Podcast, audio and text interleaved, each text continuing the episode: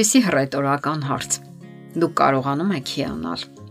Գնահատել այն նորն ու անսովորը, որ կա կյանքում։ Իսկ զարմանալ։ Եթե դուք կարողանում եք զարմանալ, դա հիանալի որակ է։ Օրինակ երեխաները եւ հիանում են եւ առավել եւս զարմանում։ Նրանք հայտնաբերում են աշխարհը եւ ամեն նոր բան հիացնում է նրանց։ Իսկ ահա մեծահասակները ժամանակի մի պահի դադարում են հիանալ ու զարմանալ։ Նրանց թվում է, թե արդեն ամեն ինչ գիտեն։ Նրանց ոչինչ չի հիացնում եւ աշխարհը նրանց համար գունազուրկ եւ անգամ բովանդակազուրկ երևույթ է։ Ցավոք, այս մտածողությունը մուտք է գործում նաեւ ամուսնական կյանք։ Ինչու են ամուսինները ժամանակի ընթացքում դադարում հիանալ միմյանցով։ Արդյոք խնդիրը դիմացինի մեջ է, թե հենց իրենց։ Սա իր համար պետք է parzի յուրաքանչյուր ամուսնական զույգ քննի թե իր եւ թե հենց դիմացինի համար։ Եթե կողմերը սկսում են անբավարարություն զգալ իրենց ամուսնությունից, ուրեմն ամուսնության մեջ ինչ որ բան այն չէ։ Ինչու ձեր հանդիպումների սկզբնական շրջանում դուք սիրահարված էիք։ Չէիք կարողանում միմյանցից կտրել ձեր հայացքը։ Հիանում էիք դիմացինի յուրաքանչյուր քայլով, դիմագծերով, դիմախաղով։ Ամեն օր նրա մեջ մի նոր ու հետաքրքիր բան էիք հայտնաբերում, մի հրաշալի որակ։ Եվ հանկարծ ինչ տեղի ունեցավ ինչու մարեց բանաստեղծական լեզվով ասած սրտի հուրը եւ աստիճանաբար ամեն ինչ դարձավ սովորական ու առօրյական եւ անգամ ձանձրալի Հարցն այն է, որ դուք այլևս չեք հիանում։ Իսկ հիացմունքը երկարատև սիրո անհրաժեշտ պայմաններից մեկն է։ Համատեղ կյանքի ընթացքում իհարկե կարող են տեղի ունենալ փոփոխություններ, սակայն որոշ զույգեր տասնամյակներից հետո էլ կարողանում են պահպանել զարմանալու, հիանալու, միմյանց մեջ նորանոր հրաշալի որակներ հայտնաբերելու ունակությունը։ Իսկ ահա որոշներն էլ այլևս հիացմունքով չեն նայում դիմացինի տաղանդներին, մտածողությանը, արժանինքներին,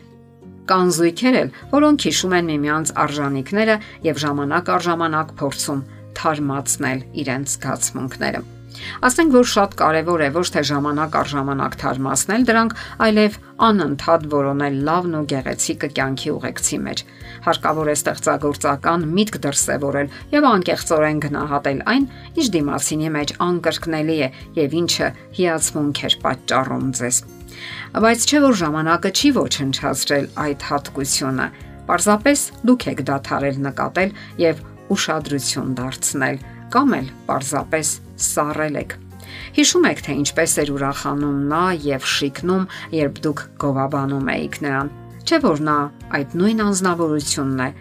Միգուցե դուք սկսել եք չնկատել նրան։ Ասենք որ հիացմունքը սիրո սկիզբն է։ Առանց դրա ամուսնական միությունը չի կարող ոչ սկսվել, ոչ էլ կայանալ։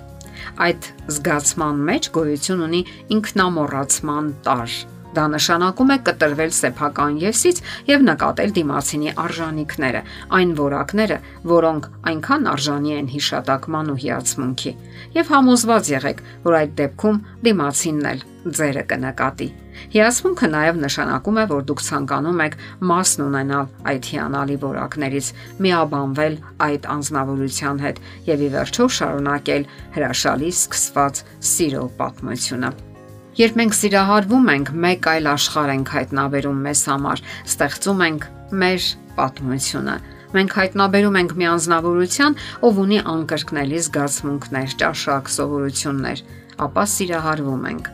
Հոկեբան Իվ Մերեսը գրում է. Հիացմունքը զույգի զարգացման փուլն է, ինչպես նախկինում եղել է երեխայի զարգացման փուլը։ Սկզբում մայրն է հիանում երեխայով, իսկ երեխայի աճելուն զուգընթաց ինքն է սկսում հիացմունք ապրել մոր ներկայությամբ, ով հոգում է իր բոլոր կարիքները։ Այդպես երեխան ներքին ամբողջություն է ձեռք բերում։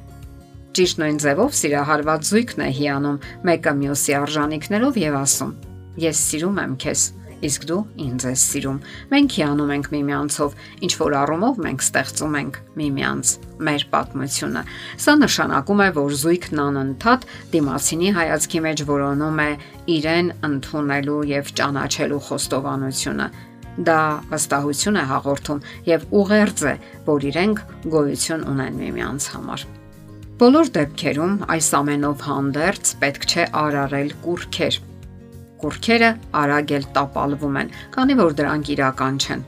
Մենք բոլորս ունենք մեր բնավորության ուժեղ կողմերը, որոնք կարող են հիացմունք առաջացնել, սակայն ոչ այն աստիճան, որ դա երկրպագության առարկա դառնա։ Բնավորության այդ որակները համբերությունն է, հավատարմությունը, սիրելու ունակությունը, խոհարարական ունակությունները եւ այլն։ Սակայն հարկավոր է պահպանել ճափի զգացումը բոլոր դեպքերում։ Հոգեբանները պարզաբանում են, որ երկրպագության հիմքում աստվածացման երևույթն է, ինչը սովորական մարդկանց դեպքում պարզապես անիմաստ է։ Ոչ մի մարդ արժանի չէ դրան։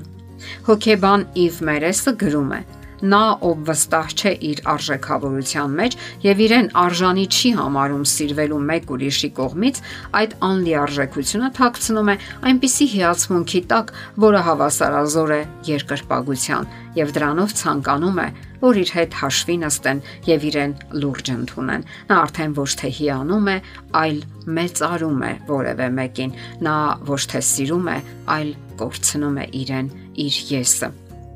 Ամեն ինչ պետք է լինի բնական չափի մեջ եւ պետք չէ ընկնել հակառակ ծայրահեղության մեջ։ Կարողացեք հիանալ, գնահատել, սիրել, բայց երբեք եւ ոչ մի դեպքում մի կորցրեք ձեզ։ Եթերում ընտանիք հաղորդաշարներ։